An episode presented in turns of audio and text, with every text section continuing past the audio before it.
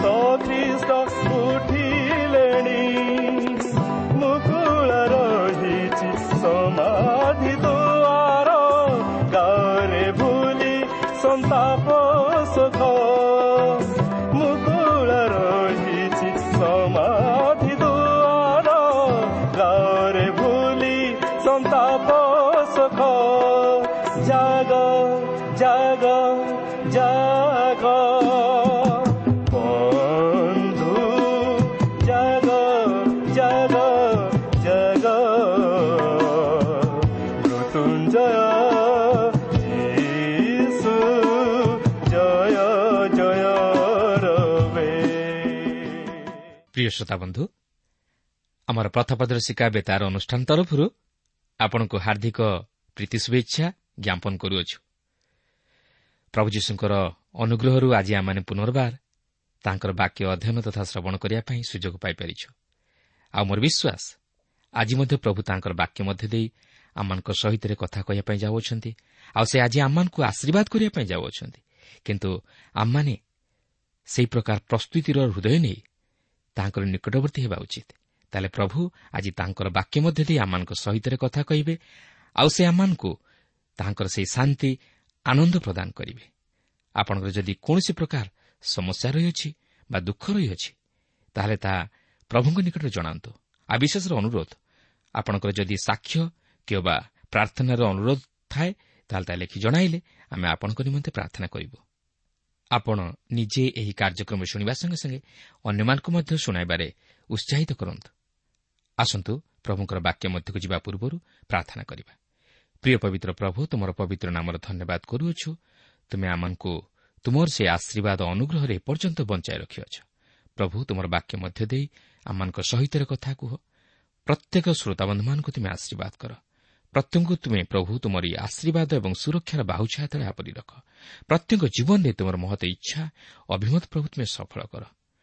ଆଜିର ଏହି କାର୍ଯ୍ୟକ୍ରମ ମଧ୍ୟ ଦେଇ ତୁମେ ଆମମାନଙ୍କୁ ଶାନ୍ତି ସାନ୍ତ୍ୱନା ଦିଅ। ତୁମରି ପଥରେ ଚାଲିବା ନିମନ୍ତେ ସାହାଯ୍ୟ କର। ଯୀଶୁଙ୍କ ନାମରେ ମାଗୁଅଛୁ ଆମେନ୍।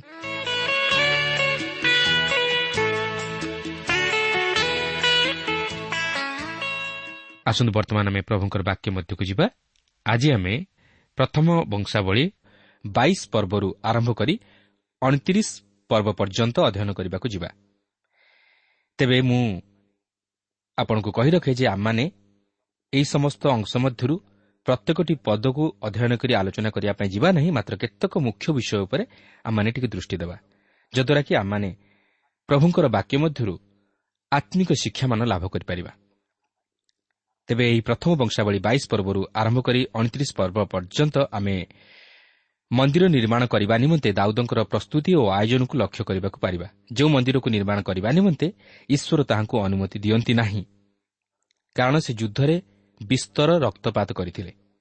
ମାତ୍ର ସେ ଯାଉନା କାହିଁକି ଦାଉଦ ମନ୍ଦିର ନିର୍ମାଣ ନିମନ୍ତେ ସମସ୍ତ ଦ୍ରବ୍ୟାଦି ଓ ଉପକରଣମାନ ତାହାଙ୍କର ମୃତ୍ୟୁ ପୂର୍ବରୁ ଆୟୋଜନ କରିଥିଲେ ଯେପରି ତାହାଙ୍କର ପୁତ୍ର ସଲମନ ସଦାପ୍ରଭୁଙ୍କ ଉଦ୍ଦେଶ୍ୟରେ ଯେଉଁ ମନ୍ଦିରଟି ନିର୍ମାଣ କରିବେ ତାହା ଯେପରି କୀର୍ତ୍ତି ଓ ଗୌରବବର୍ଦ୍ଧକ ହେବ। କାରଣ ଏହା ହିଁ ଥିଲା ଈଶ୍ୱରଙ୍କର ଅଭିମତ ଯେପରି ସଲୋମନ ଈଶ୍ୱରଙ୍କ ନିମନ୍ତେ ଏକ ମନ୍ଦିର ନିର୍ମାଣ କରନ୍ତି। ବାଇଶ ପର୍ବର ପ୍ରଥମ ଦୁଇ ପଦରେ ଏହିପରି ଲେଖା ଅଛି ସେତେବେଳେ ଦାଉଦ କହିଲେ ଏହି ଗୃହ ସଦାପ୍ରଭୁ ପରମେଶ୍ୱରଙ୍କର ଓ ଏହି ହୋମବଳୀର ବେଦୀ ଇସ୍ରାଏଲ୍ର। ଅନନ୍ତର ଦାଉଦ ଇସ୍ରାଏଲ୍ ଦେଶସ୍ଥ ବିଦେଶୀମାନଙ୍କୁ ଏକତ୍ର କରିବାକୁ ଆଜ୍ଞା ଦେଲେ। ପୁଣି ପରମେଶ୍ୱରଙ୍କ ଗୃହ ନିର୍ମାଣ କରିବା ପାଇଁ ଖୋଦିତ ପ୍ରସ୍ତର ପ୍ରସ୍ତୁତ କରିବାକୁ ରାଜମିସ୍ତ୍ରୀମାନଙ୍କୁ ନିଯୁକ୍ତ କଲେ। ସେହି ଅର୍ଣ୍ଣନଣ୍ଡ ଶସ୍ୟମର୍ଦ୍ଦନ ସ୍ଥାନରେ ମନ୍ଦିର ନିର୍ମାଣ କରିବା ନିମନ୍ତେ ଦାଉଦ ଏକାନ୍ତ ଦୃଢ଼ ପରିକର। ଏହାପରେ ତିନିରୁ ପାଞ୍ଚ ପଦ ମଧ୍ୟରେ ଏହିପରି ଲେଖା ଅଛି ଆଉ ଦାଉଦ ଦ୍ୱାର କବାଟର କଣ୍ଟା ନିମନ୍ତେ ଓ କବ୍ଜା ନିମନ୍ତେ ବିସ୍ତର ଲୁହା ଓ ଅପରିମିତ ବିସ୍ତର ପିତ୍ତଳ ପ୍ରସ୍ତୁତ କଲେ ଆଉ ଅସଂଖ୍ୟ ଏରସ କାଷ୍ଠ ପ୍ରସ୍ତୁତ କଲେ କାରଣ ସିଦୋନୀୟ ଓ ସ୍ୱରୀୟ ଲୋକମାନେ ଦାଉଦଙ୍କ ନିକଟକୁ ବିସ୍ତର ଏରସ କାଷ୍ଠ ଆଣିଲେ। ଆଉ ଦାଉଦ କହିଲେ ମୋ ପୁତ୍ର ସଲୋମନ ଅଳ୍ପ ବୟସ୍କ ଓ କୋମଳ। ପୁଣି ସଦାପ୍ରଭୁଙ୍କ ନିମନ୍ତେ ଯେଉଁ ଗୃହ ନିର୍ମାଣ କରାଯିବ ତାହା କୀର୍ତ୍ତି ଓ ଗୌରବ ହେତୁରୁ ସମଗ୍ର ଦେଶରେ ଅତିଶୟ ପ୍ରତାପାନ୍ୱିତ ହେବ। ଏହେତୁ ମୁଁ ତହିଁ ପାଇଁ ଆୟୋଜନ କରିବି। ଏହିପରି ଦାଉଦ ଆପଣା ମୃତ୍ୟୁ ପୂର୍ବେ ବିସ୍ତର ରୂପେ ଆୟୋଜନ କଲେ। ଏହି ସିଦୋନୀୟମାନେ ବାସ୍ତବରେ ସିଦୋନ୍ର ଅଧିବାସୀ ଥିଲେ। ଏପରିକି ଆମେ ଦେଖିଛୁ ସୋର ଓ ସିଦୋନ୍ର ରାଜା ହିରମ ଯିଏକି ମନ୍ଦିର ନିର୍ମାଣ ନିମନ୍ତେ ପ୍ରସ୍ତର ଓ କାଷ୍ଠ ଯୋଗାଇଲେ ତେବେ ଈଶ୍ୱରଙ୍କ ଦୃଷ୍ଟିକୋଣରୁ ନେଇ ଲକ୍ଷ୍ୟ କଲେ ଦାଉଦ ସେହି ମନ୍ଦିର ନିମନ୍ତେ ବିସ୍ତର ଆୟୋଜନ କରିଥିଲେ।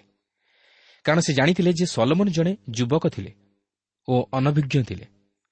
କିନ୍ତୁ ଈଶ୍ୱରଙ୍କ ମନ୍ଦିର ସୌନ୍ଦର୍ଯ୍ୟବର୍ଦ୍ଧକ ହେବା ଆବଶ୍ୟକ। ତେଣୁକରି ସେ ତୈ ନିମନ୍ତେ ତାହାଙ୍କର ମୃତ୍ୟୁ ପୂର୍ବରୁ ସମସ୍ତ ବିଷୟର ଆୟୋଜନ କରିଥିଲେ। ଯେପରି ତାହାଙ୍କ ପୁତ୍ର ସଲମନ ତାହାଙ୍କର ମନସ୍କାମନାକୁ ପୂର୍ଣ୍ଣ କରିପାରିବ। ତେଣୁ ପ୍ରକୃତରେ ଏହା ସଲମନଙ୍କ ମନ୍ଦିର କୁହା ନ ଯାଇ ଦାଉଦଙ୍କ ମନ୍ଦିର କୁହାଯିବା ଉଚିତ ଥିଲା।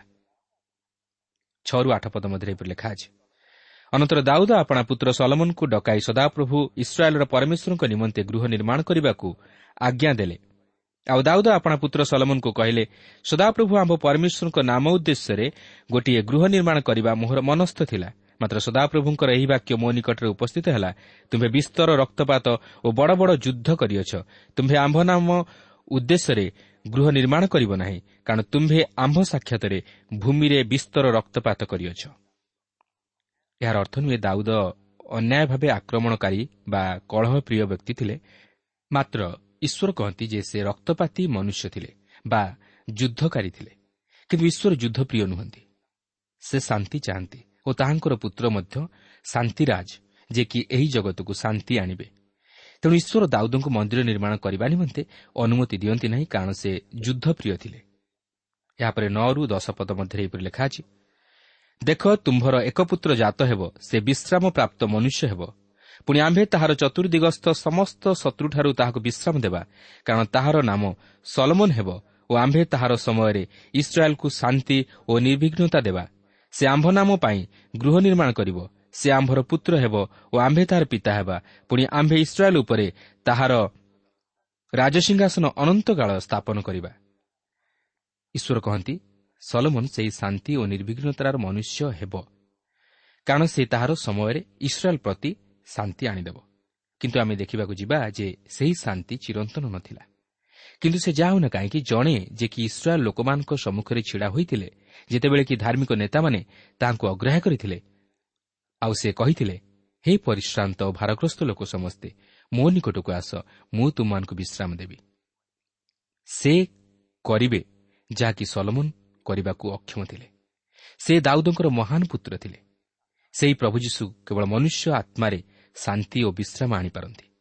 ଈଶ୍ୱର ଦୟାବାନ ଯେହେତୁ ତାହାଙ୍କ ପୁତ୍ର ଆମମାନଙ୍କ ନିମନ୍ତେ ମୃତ୍ୟୁବରଣ କରିଅଛନ୍ତି।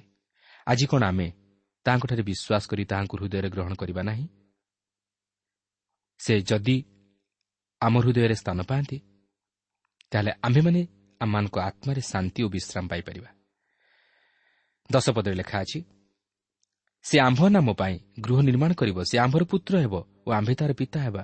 ପୁଣି ଆମ୍ଭେ ଇସ୍ରାଏଲ୍ ଉପରେ ତାହାର ରାଜସିଂହାସନ ଅନନ୍ତକାଳ ସ୍ଥାପନ କରିବା। ବାସ୍ତବରେ ପ୍ରଭୁ ଯୀଶୁ ଖ୍ରୀଷ୍ଟ ଏହି ପ୍ରତିଜ୍ଞାର ଶେଷ ସଫଳତା ଯାହାକି ଆମେ ଦେଖିସାରିଅଛୁ। ଯଦିଓ ଏହା ସଲମନଙ୍କ ପ୍ରତି ଉଦ୍ଦିଷ୍ଟ ଥିଲା ମାତ୍ର ବାସ୍ତବରେ ଏହା ପ୍ରଭୁ ଯୀଶୁ ଖ୍ରୀଷ୍ଟଙ୍କ ଜୀବନରେ ସଫଳ ହେଲା। ଏହି ପ୍ରତିଜ୍ଞାର ସଫଳତା ହେଉଛନ୍ତି ପ୍ରଭୁ ଯୀଶୁ ଖ୍ରୀଷ୍ଟ ଏହାପରେ ଏଗାରରୁ ଷୋହଳ ପଦରେ ଆମେ ଦେଖୁ ଯେ ଦାଉଦ ସଲମନକୁ ଅନେକ ପରାମର୍ଶ ଦେଇ ତାହାଙ୍କୁ ଉତ୍ସାହିତ କରୁଅଛନ୍ତି। କାରଣ ସେ ଜାଣନ୍ତି ସଲମନ ଜଣେ ଯୁବକ ଓ ତାଙ୍କର ଅଭିଜ୍ଞତା କମ୍। ତେଣୁକରି ସେ ତାହାଙ୍କୁ ଶିକ୍ଷା ଦେଇ ଶକ୍ତିଯୁକ୍ତ କରାନ୍ତି ଯେପରି ସେ ତାଙ୍କର ମନୋବାଞ୍ଛାକୁ ସଫଳ କରିବାକୁ ପାରନ୍ତି। ଆମେ ଜାଣି ରଖିବା ଉଚିତ ଯେ ଈଶ୍ୱରଙ୍କ ନିକଟରେ ମୁଖାପେକ୍ଷା ନାହିଁ ଓ ସେ ଚାହାନ୍ତି ତାହାଙ୍କର ସେବକମାନଙ୍କର ବା ଉପାସକମାନଙ୍କର ହସ୍ତ ଯେପରି ସୂଚି ରହେ ଓ ସେମାନଙ୍କର ହୃଦୟ ପାପରୁ ଦୂରରେ ରହେ। ଦାଉଦ ଯଦିଓ ଈଶ୍ୱରଙ୍କ ଉଦ୍ଦେଶ୍ୟରେ ମନ୍ଦିର ନିର୍ମାଣ କରିବାକୁ ଚାହିଁଥିଲେ ମାତ୍ର ଈଶ୍ୱର ତାହା ଚାହିଁନଥିଲେ ଯେହେତୁ ସେ ଅନେକଙ୍କ ରକ୍ତପାତ କରିଥିଲେ। କିନ୍ତୁ ଏହାର ଅର୍ଥ ନୁହେଁ ଯେ ସେ ଈଶ୍ୱରଙ୍କ ପରିତ୍ରାଣରୁ ବଞ୍ଚିତ ହୋଇଥିଲେ। ଈଶ୍ୱର ତାହାଙ୍କୁ କ୍ଷମା କରିଥିଲେ କିନ୍ତୁ ତାହାଙ୍କ ପୁତ୍ର ସଲୋମନ ସେହି ମନ୍ଦିର ନିର୍ମାଣ କରିଥିଲେ। ଏହାପରେ ବାଇଶ ପର୍ବର ସତରରୁ ଉଣେଇଶ ପଦରେ ଆମେ ଦେଖୁ ଯେ ଦାଉଦ ସଲମନଙ୍କର ସାହାଯ୍ୟ ନିମନ୍ତେ ଇସ୍ରାଏଲ୍ର ସମସ୍ତ ଅଧିପତିଙ୍କୁ ଆଜ୍ଞା ଦେଲେ ଓ ସେମାନଙ୍କୁ ସମସ୍ତ ଉପଦେଶ ପ୍ରଦାନ କଲେ। ଆସନ୍ତୁ ଏହାପରେ ତେଇଶ ପର୍ବ ମଧ୍ୟକୁ ଯିବା। ଏହି ତେଇଶ ପର୍ବର ମୁଖ୍ୟ ବିଷୟ ହେଉଛି ଲେବିୟମାନେ ସେହି ମନ୍ଦିର ମଧ୍ୟରେ ସେବା କରିବା ନିମନ୍ତେ ଓ ଗୀତ ଗାଇବା ନିମନ୍ତେ ନିଯୁକ୍ତ ହେଲେ। ତେଇଶ ପର୍ବର ପ୍ରଥମ ଛଅ ପଦରେ ଏହିପରି ଲେଖା ଅଛି ଅନନ୍ତର ଦାଉଦ ବୃଦ୍ଧ ଓ ପୂର୍ଣ୍ଣାୟୁ ହେଲେ ଓ ସେ ଆପଣା ପୁତ୍ର ସଲମନକୁ ଇସ୍ରାଏଲ୍ ଉପରେ ରାଜା କଲେ। ଆଉ ସେ ଇସ୍ରାଏଲ୍ର ସମସ୍ତ ଅଧିପତିଙ୍କି ଓ ଯାଜକମାନଙ୍କୁ ଓ ଲେବିୟମାନଙ୍କୁ ଏକତ୍ର କଲେ। ତହୁଁ ତିରିଶ ବର୍ଷ ଓ ତହିଁରୁ ଉର୍ଦ୍ଧ୍ୱ ବୟସ୍କ ଲେବିୟମାନେ ଗଣିତ ହେଲେ ତରେ ପ୍ରତ୍ୟେକ ପୁରୁଷର ମସ୍ତକ ଗଣତିରେ ସେମାନେ ଅଠତିରିଶ ହଜାର ହେଲେ। ସେମାନଙ୍କ ମଧ୍ୟରୁ ଚବିଶ ହଜାର ଲୋକ ସଦାପ୍ରଭୁଙ୍କ ଗୃହର କାର୍ଯ୍ୟ ଚଳାଇବା ପାଇଁ ନିଯୁକ୍ତ ଥିଲେ ଆଉ ଛଅ ହଜାର ଲୋକ କାର୍ଯ୍ୟଶାସକ ଓ ବିଚାରକର୍ତ୍ତା ଥିଲେ ଆଉ ଚାରି ହଜାର ଲୋକ ଦ୍ୱାରପାଳ ଥିଲେ। ଆଉ ପ୍ରଶଂସାର୍ଥେ ମୁଁ ଯେଉଁ ବାଦ୍ୟଯନ୍ତ୍ର ସବୁ ନିର୍ମାଣ କଲି ବୋଲି ଦାଉଦ କହିଲେ ତଦ୍ୱାରା ଚାରି ହଜାର ଲୋକ ସଦାପ୍ରଭୁଙ୍କର ପ୍ରଶଂସା କଲେ। ପୁଣି ଦାଉଦ ସେମାନଙ୍କୁ ଲେବିର ପୁତ୍ରମାନଙ୍କ ବଂଶ ଅନୁସାରେ ନାନା ପାଳିରେ ବିଭକ୍ତ କଲେ। ଗେର୍ସୋନ୍ କହାତ ଓ ମରାରୀ। କାରଣ ଲିବିୟମାନେ ଈଶ୍ୱରଙ୍କର ସେବା କରିବା ନିମନ୍ତେ ନିଯୁକ୍ତ ହୋଇଥିଲେ। ଏଠାରେ ଆମେ ଦେଖୁଛୁ ଯେ ଦାଉଦ ଈଶ୍ୱରଙ୍କ ଉପାସନା ଉପରେ ବିଶେଷ ଗୁରୁତ୍ୱ ଦେଇ ଏହିପରି ଲେବିୟମାନଙ୍କୁ ସଦାପ୍ରଭୁଙ୍କର ସେବକ ପଦରେ ନିଯୁକ୍ତି ଦିଅନ୍ତି। ସେ ଈଶ୍ୱରଙ୍କ ବିଷୟକୁ ପ୍ରଥମ ସ୍ଥାନ ଦିଅନ୍ତି। ପ୍ରିୟ ବନ୍ଧୁ ଆପଣ କ'ଣ ବାସ୍ତବରେ ଈଶ୍ୱରଙ୍କ ସେବା ଉପାସନା ଉପରେ ଗୁରୁତ୍ୱ ଦିଅନ୍ତି?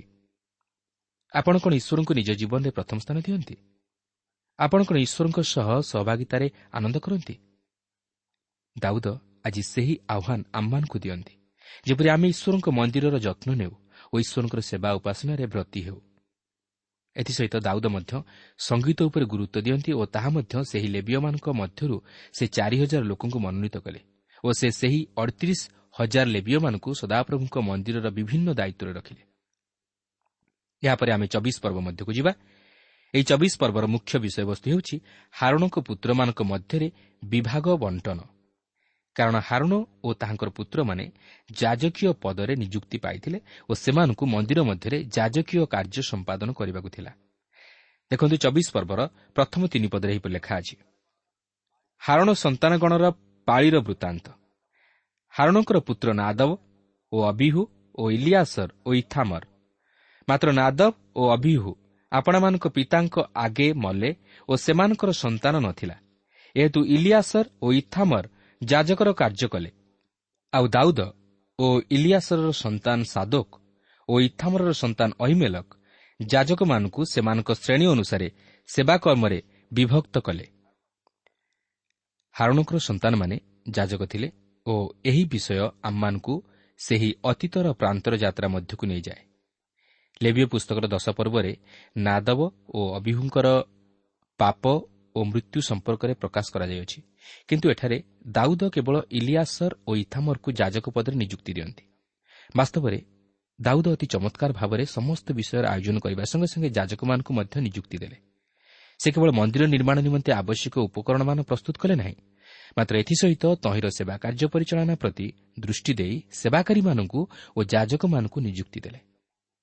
ଏମାନେ ଚବିଶଟି ଦଳରେ ବିଭକ୍ତ ହୋଇ ପାଳି ଅନୁସାରେ କରୁଥିଲେ। ଏହାପରେ ଆମେ ପଚିଶ ପର୍ବ ମଧ୍ୟକୁ ଯିବା। ଏହି ପଚିଶ ପର୍ବରେ ଦାଉଦ ସଙ୍ଗୀତକାରମାନଙ୍କୁ ମଧ୍ୟ ସେହିପରି ଭାବରେ ନିଯୁକ୍ତି ଦେଲେ। ପଚିଶ ପର୍ବର ପ୍ରଥମ ପଦରେ ଏହିପରି ଲେଖା ଅଛି ଆହୁରି ଆସଫର ଓ ହେମନର ଓ ଜିଦୁଥୁନ୍ର ସନ୍ତାନଗଣ ମଧ୍ୟରୁ ଦାଉଦ ଓ ସେନାପତିମାନେ କେତେକଙ୍କୁ ବୀଣା ନେବଲ ଓ କରତାଳ ଦ୍ୱାରା ଭବିଷ୍ୟତ ବାକ୍ୟ ପ୍ରଚାରର ସେବା କାର୍ଯ୍ୟ ନିମନ୍ତେ ପୃଥକ କଲେ।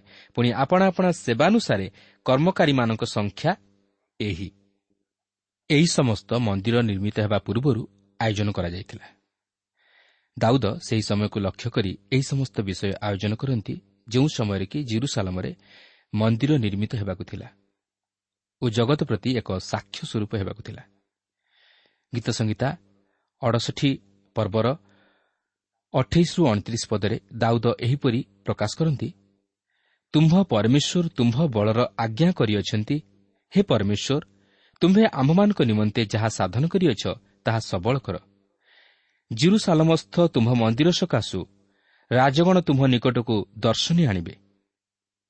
ଦାଉଦ ଏହା ସେହି ସମୟର ଆଗମନକୁ ଅପେକ୍ଷା କରି ଏହି ବିଷୟ ପ୍ରକାଶ କରନ୍ତି ଯେଉଁ ସମୟରେ କି ଜିରୁସାଲାମରେ ମନ୍ଦିର ସ୍ଥାପିତ ହେବାକୁ ଥିଲା ଓ ସମଗ୍ର ଜଗତରେ ସାକ୍ଷ୍ୟ ସ୍ୱରୂପ ହେବାକୁ ଥିଲା।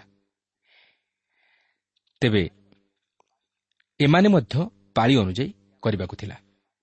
ଏହାପରେ ଛବିଶ ପର୍ବରେ ଆମେ ଦେଖୁ ଯେ କେବଳ ଯାଚକମାନେ ନୁହନ୍ତି ମାତ୍ର ଅନ୍ୟମାନେ ମଧ୍ୟ ଥିଲେ ଯେଉଁମାନେ କି ସେହି ମନ୍ଦିରକୁ ପରିଷ୍କାର କରିବାକୁ ଓ ଜଗି ରକ୍ଷା କରିବାକୁ ନିଯୁକ୍ତି ପାଇଥିଲେ। ଛବିଶ ପର୍ବର ପ୍ରଥମ ପଦରେ ଲେଖା ଅଛି ଦ୍ୱାରପାଳମାନଙ୍କ ପାଳି ପାଇଁ କୋରହୀୟମାନଙ୍କ ମଧ୍ୟରୁ ଆସଫ ବଂଶଜାତ କୋରିର ପୁତ୍ର ମସେଲିମିୟ ଥିଲା। ସେମାନେ ମଧ୍ୟ ସେହିପରି ଭାବରେ କାର୍ଯ୍ୟ କରିବା ନିମନ୍ତେ ନିଯୁକ୍ତି ପାଇଥିଲେ। କେବଳ ସେତିକି ନୁହେଁ ସେହି ଗୃହକୁ ଜଗି ରକ୍ଷା କରିବା ନିମନ୍ତେ ଚବିଶ ଘଣ୍ଟା ପାଇଁ ଜଗୁଆଳିମାନେ ନିଯୁକ୍ତି ପାଇଥିଲେ ଓ ସେମାନେ ମଧ୍ୟ ପାଳି ଅନୁସାରେ କରୁଥିଲେ। ଛବିଶ ପର୍ବର ତେର ପଦରେ ଲେଖା ଅଛି ପୁଣି ସେମାନେ ସାନ ବଡ଼ ଆପଣା ପିତୃବଂଶାନୁସାରେ ପ୍ରତ୍ୟେକ ଦ୍ୱାର ପାଇଁ ଗୁଲିବାଣ୍ଟ କଲେ। ଏଥିରୁ ଜଣାଯାଏ ଯେ ପ୍ରତ୍ୟେକ ଦ୍ୱାର ଜଗୁଆଳିମାନଙ୍କ ଦ୍ୱାରା ଜଗି ରକ୍ଷା କରାଯାଉଥିଲା। କେବଳ ସେତିକି ନୁହେଁ କୋଷାଧ୍ୟକ୍ଷମାନେ ମଧ୍ୟ ନିଯୁକ୍ତି ପାଇଥିଲେ ଯେଉଁମାନେ କି ମନ୍ଦିରର ଅର୍ଥକୁ ଉପଯୁକ୍ତ ଭାବରେ ବ୍ୟୟ କରିବାର ଦାୟିତ୍ୱ ବହନ କରିଥିଲେ। ସେହି ଛବିଶ ପର୍ବର କୋଡ଼ିଏ ପଦରେ ଲେଖା ଅଛି ପୁଣି ଲେବିୟମାନଙ୍କ ମଧ୍ୟରୁ ଅହିୟ ପରମେଶ୍ୱରଙ୍କ ଗୃହର କୋଷାଧ୍ୟକ୍ଷ ଓ ପବିତ୍ରୀକୃତ ସକଳ ବସ୍ତୁର କୋଷାଧ୍ୟକ୍ଷ ଥିଲା। ଏହାପରେ ସତେଇଶ ପର୍ବରେ ଆମେ ଦେଖୁ ଯେ କାର୍ଯ୍ୟଶାସକ ଓ ବିଚାରକର୍ତ୍ତାମାନେ ନିଯୁକ୍ତି ପାଇଥିଲେ। ଏମାନେ ମଧ୍ୟ ସେହି ଲେବିୟମାନଙ୍କ ମଧ୍ୟରୁ ମନୋନୀତ ହେବାକୁ ଥିଲା। ଏହା ହିଁ ଥିଲା ଈଶ୍ୱରଙ୍କ ପ୍ରକୃତ ଉଦ୍ଦେଶ୍ୟ ଯେପରି ଲେବିୟମାନେ ତାହାଙ୍କ ସହିତ ରାଜତ୍ୱ କରନ୍ତି ଓ ଏକ ଈଶ୍ୱର କୈନ୍ଦ୍ରିକ ରାଜ୍ୟ ଗଢ଼ନ୍ତି। ସତେଇଶ ପର୍ବରେ ଆମେ ଦେଖୁ ଯେ ସହସ୍ରପତିମାନେ ଶତପତିମାନେ ଓ କାର୍ଯ୍ୟଶାସକମାନେ ନିଯୁକ୍ତି ପାଇଥିଲେ ଓ ସେମାନେ ମଧ୍ୟ ଆପଣା ଆପଣାର ପାଳି ଅନୁଯାୟୀ ପ୍ରତ୍ୟେକ ମାସରେ କାର୍ଯ୍ୟ ସମ୍ପାଦନ କରୁଥିଲେ। ଏହାପରେ ସତେଇଶ ପର୍ବର ଶେଷାଂଶରେ କେତେକ କାର୍ଯ୍ୟଶାସକମାନଙ୍କର ଏକ ତାଲିକା ଦିଆଯାଇଅଛି ଯେଉଁମାନେ କି ରାଜା ଦାଉଦଙ୍କ ବ୍ୟକ୍ତିଗତ ସମ୍ପତ୍ତିର ଦାୟିତ୍ୱରେ ରହିଥିଲେ। ଏହାପରେ ପ୍ରଥମ ବଂଶାବଳୀର ଶେଷ ଦୁଇ ପର୍ବରେ ଅର୍ଥାତ୍ ଅଠେଇଶ ଓ ଅଣତିରିଶ ପର୍ବରେ ଦାଉଦଙ୍କର ଶେଷ ସମ୍ବାଦ ପ୍ରକାଶ କରାଯାଇଅଛି। ଦାଉଦ ଇସ୍ରାଏଲ୍ର ସମସ୍ତ ନେତାମାନଙ୍କୁ ଡାକି ଏକତ୍ର କରନ୍ତି। ଏହା ଏକ ବିଶେଷ ଗୁରୁତ୍ୱପୂର୍ଣ୍ଣ ସଭା ଯାହାକି ତାହାଙ୍କର ଜୀବନର ଅନ୍ତିମ ସମୟରେ ଅନୁଷ୍ଠିତ ହୋଇଥିଲା ସେ ଇସ୍ରାଏଲ୍କୁ ସମ୍ବାଦ ଦିଅନ୍ତି ଓ ସଲମନ୍କୁ ମଧ୍ୟ ସମ୍ବାଦ ଦିଅନ୍ତି ଯାହାକି ସମଗ୍ର ଇସ୍ରାଏଲ୍ ଜାତି ଶୁଣିବେ। ଦାଉଦଙ୍କର ଏହା ଏକ ବୁଦ୍ଧିମାନର କାର୍ଯ୍ୟ ଥିଲା। ଅଠେଇଶ ପର୍ବର ପ୍ରଥମ ପଦରେ ଲେଖା ଅଛି ଅନନ୍ତର ଦାଉଦ ଇସ୍ରାଏଲ୍ର ସମଗ୍ର ଅଧିପତିଙ୍କି ବଂଶାଧିପତିଗଣକୁ ଓ ପାଳିକ୍ରମେ ରାଜାଙ୍କର ସେବାକାରୀ ଦଳର ଅଧ୍ୟକ୍ଷମାନଙ୍କୁ ପୁଣି ସହସ୍ରପତି ଓ ଶତପତିମାନଙ୍କୁ ଆଉ ରାଜାଙ୍କର ଓ ରାଜପୁତ୍ରମାନଙ୍କର ସକଳ ସମ୍ପତ୍ତି ଓ ଅଧିକାରର ଅଧ୍ୟକ୍ଷମାନଙ୍କୁ ଓ ନପୁଂସକ ଗଣକୁ ଓ ବୀରମାନଙ୍କୁ ଓ ମହାବିକ୍ରମଶାଳୀ ଲୋକଙ୍କୁ ଜିରୁସାଲମରେ ଏକତ୍ର କଲେ। ଏହି ଲୋକମାନେ ଇସ୍ରାଏଲ୍ ମଧ୍ୟରେ ନେତୃତ୍ୱ ନେଇଥିଲେ। ଏହାପରେ ସେମାନଙ୍କ ପ୍ରତି ଦାଉଦଙ୍କର ସମ୍ବାଦ ଏହିପରି ଥିଲା।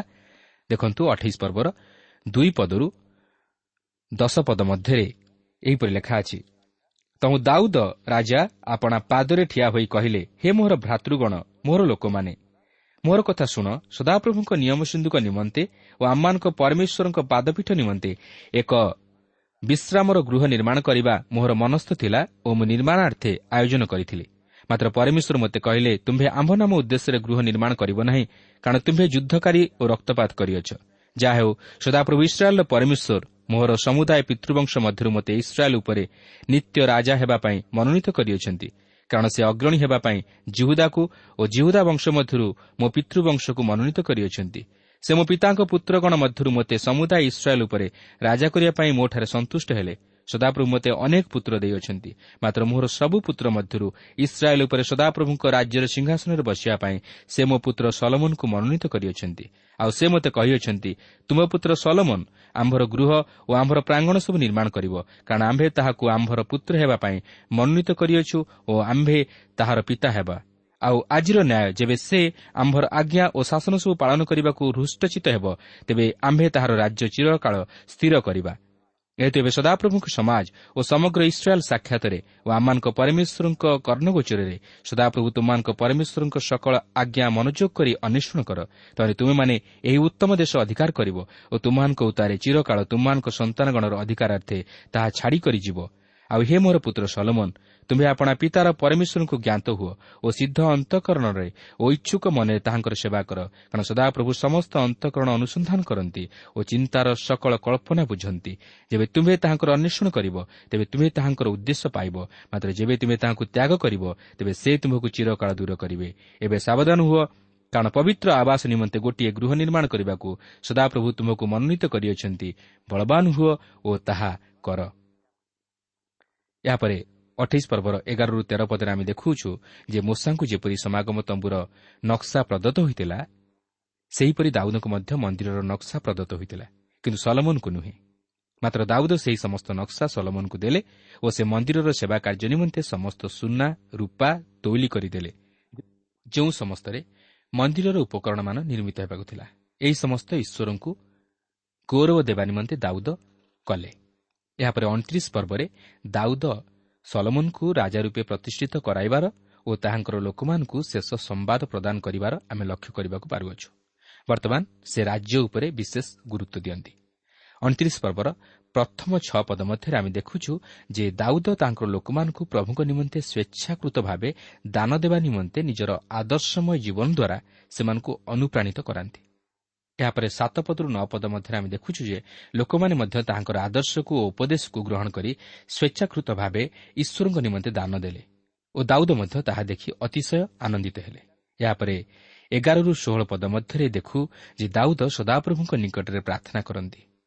ସେ ଏହି ପ୍ରାର୍ଥନା ମଧ୍ୟ ଦେଇ ଈଶ୍ୱରଙ୍କୁ ତାହାଙ୍କର ସମସ୍ତ କର୍ତ୍ତାପଣକୁ ଓ ଅନୁଗ୍ରହକୁ ସ୍ମରଣ କରି ତଥା ଆଶୀର୍ବାଦକୁ ସ୍ମରଣ କରି ତାହାଙ୍କର ଧନ୍ୟବାଦ କରନ୍ତି ଓ ତାହାଙ୍କୁ ଗୌରବ ଦିଅନ୍ତି ଓ ନିଜକୁ ତଥା ନିଜର ଲୋକମାନଙ୍କୁ ତାହାଙ୍କ ନିକଟରେ ସମର୍ପଣ କରନ୍ତି। ଓ ସେ ଈଶ୍ୱରଙ୍କ ମନ୍ଦିର ନିମନ୍ତେ ମଧ୍ୟ ପ୍ରାର୍ଥନା କରନ୍ତି। ବାସ୍ତବରେ ଏହା ବିଶେଷ ଗୁରୁତ୍ୱପୂର୍ଣ୍ଣ ଆମେ ଈଶ୍ୱରଙ୍କର ଧନ୍ୟବାଦ ଓ ପ୍ରଶଂସା କରିବା ସଙ୍ଗେ ସଙ୍ଗେ ତାହାଙ୍କ ରାଜ୍ୟର ଅଭିବୃଦ୍ଧି ନିମନ୍ତେ ଓ ତାହାଙ୍କର ମଣ୍ଡଳୀ ନିମନ୍ତେ ପ୍ରାର୍ଥନା କରିବା ଉଚିତ। ଏହାପରେ ଅଣତିରିଶ ପର୍ବର ବାଇଶରୁ ତେଇଶ ପଦ ମଧ୍ୟରେ ଆମେ ଦେଖୁ ଯେ ଲୋକମାନେ ଈଶ୍ୱରଙ୍କ ନିକଟରେ ବଳିଦାନ ଉତ୍ସର୍ଗ କରିବା ସହିତ ସଲମନ୍କୁ ରାଜା ରୂପେ ପ୍ରତିଷ୍ଠିତ କଲେ। ସଲମନ୍ଙ୍କ ପଛରେ ରାଜ୍ୟ ସଂଗଠିତ ହୋଇ ରହିଥିଲା ଓ ସେ ତାହାଙ୍କର ରାଜକୀୟ ଅଧିକାର ଦାଉଦଙ୍କର ମୃତ୍ୟୁ ପୂର୍ବରୁ ପ୍ରୟୋଗ କଲେ। ଏହାପରେ ଅଣତିରିଶ ପର୍ବର ଛବିଶରୁ ଅଠେଇଶ ପଦରେ ଆମେ ଦେଖୁ ଯେ ରାଜା ଦାଉଦ ମୃତ୍ୟୁବରଣ କଲେ। ଏହି ସମସ୍ତ ବିବରଣୀ ଈଶ୍ୱର ପ୍ରଦାନ କରିଅଛନ୍ତି। କାରଣ ସେ ଦାଉଦଙ୍କ ବିଷୟରେ କ'ଣ ଭାବନ୍ତି ତାହା ଯେପରି ଆପଣ ଜାଣିବାକୁ ପାରନ୍ତି ତାହା ସେ ଚାହାନ୍ତି। ଆପଣ ହୁଏତ ଦାଉଦଙ୍କୁ ଭଲ ନ ପାଇପାରନ୍ତି। ମାତ୍ର ସେ ଦାଉଦଙ୍କୁ ଭଲ ପାଆନ୍ତି। ଓ ସେ ଆଜି ମଧ୍ୟ ଆମ ପ୍ରତ୍ୟେକଙ୍କୁ ପ୍ରେମ କରନ୍ତି ଓ ଆମ ପ୍ରତ୍ୟେକଙ୍କୁ ଉଦ୍ଧାର କରିବାକୁ ଚାହାନ୍ତି। ମାତ୍ର ସେ ଚାହାନ୍ତି ଆପଣଙ୍କର ସ୍ୱୀକାରୋକ୍ତି। ସେ ଚାହାନ୍ତି ଆପଣ ଯେପରି ଅନୁତାପ କରି ପ୍ରଭୁ ଯୀଶୁଖ୍ରୀଷ୍ଟଙ୍କଠାରେ ବିଶ୍ୱାସ କରନ୍ତି ଓ ତାହାଙ୍କୁ ନିଜ ଜୀବନରେ ପ୍ରଥମ ସ୍ଥାନ ଦିଅନ୍ତି ଓ ତାହାଙ୍କର ସେବାରେ ଉଦ୍ଯୋଗୀ ହୁଅନ୍ତି ତାହେଲେ ସେ ଆପଣଙ୍କୁ ମଧ୍ୟ ଦାଉଦଙ୍କ ପରି ଆଶୀର୍ବାଦ କରି ତାହାଙ୍କର ଗୌରବ ନିମନ୍ତେ ବ୍ୟବହାର କରିବେ। କେବଳ ଆପଣଙ୍କୁ ନୁହେଁ ଆପଣଙ୍କର ପରିବାର ପ୍ରତି ଆପଣଙ୍କର ବଂଶ ପ୍ରତି ମଧ୍ୟ ତାହାଙ୍କର ଆଶୀର୍ବାଦ ବର୍ତ୍ତିବ। ତେବେ ଏହିଠାରେ ଆମେ ପ୍ରଥମ ବଂଶାବଳୀ ପୁସ୍ତକଟିକୁ ଅଧ୍ୟୟନ କରି ସମାପ୍ତ କଲୁ। ମାତ୍ର ମୋର ଅନୁରୋଧ ଆମେ ଏହି ବାକ୍ୟ ମଧ୍ୟ ଦେଇ ନିଜ ନିଜର ଜୀବନକୁ ସମୀକ୍ଷା କରିବା ଯେ ଆଜି ମୁଁ କ'ଣ ଈଶ୍ୱରଙ୍କର ମହତ ଅଭିମତକୁ ସଫଳ କରିପାରିଛି କି? ଆଜି କ'ଣ ମୁଁ ଈଶ୍ୱରଙ୍କ ନିମନ୍ତେ କିଛି ଉତ୍ତମ ବିଷୟ ସାଧନ କରିପାରିଛି କି? ମୋର ଜନ୍ମଠାରୁ ଏପର୍ଯ୍ୟନ୍ତ ମୁଁ ଈଶ୍ୱରଙ୍କ ନିମନ୍ତେ କ'ଣ କରିପାରିଛି? ଈଶ୍ୱରଙ୍କ ନିମନ୍ତେ କ'ଣ ମହତ୍ କର୍ମ ସାଧନ କରିପାରିଛି? ଯଦି ଏହି ପ୍ରଶ୍ନ ଆମେ ନିଜ ନିଜକୁ କରିବା ତାହେଲେ ଆମେ ଜାଣିପାରିବା ଯେ ଆମେ ଈଶ୍ୱରଙ୍କର ଇଚ୍ଛା ଅନୁଯାୟୀ ତାଙ୍କର ଅଭିମତକୁ ସଫଳ କରିପାରିନାହୁଁ। ତେଣୁ ଆସୁ ଯେପରି ଆମେ ଈଶ୍ୱରଙ୍କର ମହତ ଅଭିମତକୁ ସଫଳ କରିବା ପାଇଁ ସମର୍ଥ ହୋଇପାରୁ ସେଥିପାଇଁ ସବୁ ଅବସ୍ଥାରେ ସବୁ ସମୟରେ ସବୁ ପରିସ୍ଥିତିରେ ଏକ ସତର୍କତାର ଜୀବନଯାପନ କରିବା ପାଇଁ ଚେଷ୍ଟା କରୁ। ଆମେ ଜାଣୁ ଈଶ୍ୱର ହେଉଛନ୍ତି ଆମମାନଙ୍କର ଅନୁଗ୍ରହକାରୀ ଈଶ୍ୱର। ସେ ଆମମାନଙ୍କର ଶାନ୍ତିଦାତା ଈଶ୍ୱର। ସେଥିପାଇଁ ପ୍ରଭୁ ଯୀଶୁ କହନ୍ତି ମୁଁ ତୁମମାନଙ୍କୁ ଶାନ୍ତି ଦାନ କରି ଯାଉଅଛି। ମୋର ନିଜର ଶାନ୍ତି ତୁମମାନଙ୍କୁ ଦାନ କରୁଅଛି। ଏହି ଜଗତରେ କୌଣସି ବିଷୟ ଆମମାନଙ୍କୁ ଚିରସ୍ଥାୟୀ ଶାନ୍ତି ଓ ଆନନ୍ଦରେ ବାନ୍ଧିପାରିବ ନାହିଁ। ଜଗତର ଯେଉଁ ସବୁ ଆନନ୍ଦ ରହିଛି ସୁଖ ରହିଛି ତାହା କ୍ଷଣସ୍ଥାୟୀ। ମାତ୍ର ଚିରସ୍ଥାୟୀ ଆନନ୍ଦ ସୁଖ ଶାନ୍ତି କେବଳ ସ୍ୱର୍ଗରେ ହିଁ ରହିଅଛି। ତାହା କେବଳ ପିତା ଈଶ୍ୱର ପ୍ରଭୁ ଶ୍ରୀଖ୍ରୀଷ୍ଟଙ୍କ ମାଧ୍ୟମରେ ଆମମାନଙ୍କୁ ପ୍ରଦାନ କରନ୍ତି। ତେଣୁ ଯଦି ଆମମାନେ ଜୀବନରେ ବାସ୍ତବରେ ସେହି ଶାନ୍ତି ଆନନ୍ଦ ଓ ସୁରକ୍ଷାକୁ ପାଇବା ପାଇଁ ଚାହୁଁ ତାହେଲେ ପ୍ରଭୁ ଯୀଶୁଖ୍ରୀଷ୍ଟଙ୍କଠାରେ ବିଶ୍ୱାସରେ ସ୍ଥିର ରହି ତାହାଙ୍କୁ ନିଜର ହୃଦୟରେ ଉଦ୍ଧାରକର୍ତ୍ତା ରୂପେ ଗ୍ରହଣ କରି ତାହାଙ୍କର ଇଚ୍ଛା ଅନୁମୋଦିତ ଜୀବନଯାପନ କରୁ। ଆଉ ତାହାଙ୍କ ନିମନ୍ତେ ମହତ୍ ବିଷୟମାନ ସାଧନ କରୁ। ପ୍ରଭୁ ପ୍ରତ୍ୟେକଙ୍କୁ ଏହି ସଂକ୍ଷିପ୍ତ ଆଲୋଚନା ମଧ୍ୟ ଦେଇ ଆଶୀର୍ବାଦ କରନ୍ତୁ। ଜାଗ ଜାଗ ଜାଗ ବନ୍ଧୁ ପ୍ରିୟ ଶ୍ରୋତା ଆପଣ ଈଶ୍ୱରଙ୍କ ବାକ୍ୟ ଶୁଣିବା ନିମନ୍ତେ ସମୟ ଦେଇଥିବାରୁ ଆମେ ଧନ୍ୟବାଦୀ। ଆପଣ ଯଦି ପ୍ରଭୁ ଯୀଶୁଙ୍କର ବାକ୍ୟ ବିଷୟରେ ଓ ତାହାଙ୍କର ପ୍ରେମ ବିଷୟରେ ଅଧିକ ଜାଣିବାକୁ ଚାହାନ୍ତି ଯାହାକି ଆପଣଙ୍କୁ ପାପରୁ ଉଦ୍ଧାର ପାଇବା ନିମନ୍ତେ ପଥ ଦେଖାଇବ ତାହେଲେ ଆମ ସହିତ ପତ୍ର ମାଧ୍ୟମରେ ଅଥବା ଟେଲିଫୋନ୍ ଯୋଗେ ଯୋଗାଯୋଗ କରନ୍ତୁ। ଆମର ଠିକଣା ପଥ ପ୍ରଦର୍ଶିକା Trans World Radio India post box number ତିନି ତିନି ଭୁବନେଶ୍ୱର ସାତ ପାଞ୍ଚ ଏକ ଶୂନ ଶୂନ ଏକ। Mobile number nine seven double seven double two one four one five. ঠিকଣାটি আউথরে শুণন্তু পথ প্রদর্শিকা Trans World radio India post box number three three Bhubaneswar seven five one zero zero one. Mobile number nine seven double seven double two one four one five. আমার email আড্রেসটি লিখি রাখুন Odia TV আট radio eight eight two dot com ତେବେ ଆଜି ପାଇଁ ଏଠାରେ ରଖୁଛୁ। ପ୍ରଭୁ ଯୀଶୁ ଆପଣଙ୍କୁ ଆଶୀର୍ବାଦ କରନ୍ତୁ। ନମସ୍କାର। ଦୂରେ ଯାଉ ଯେତେ କାଳି ମା ଦାଗ। ମୃତ୍ୟୁଞ୍ଜୟୀ ପଥେ ସଜା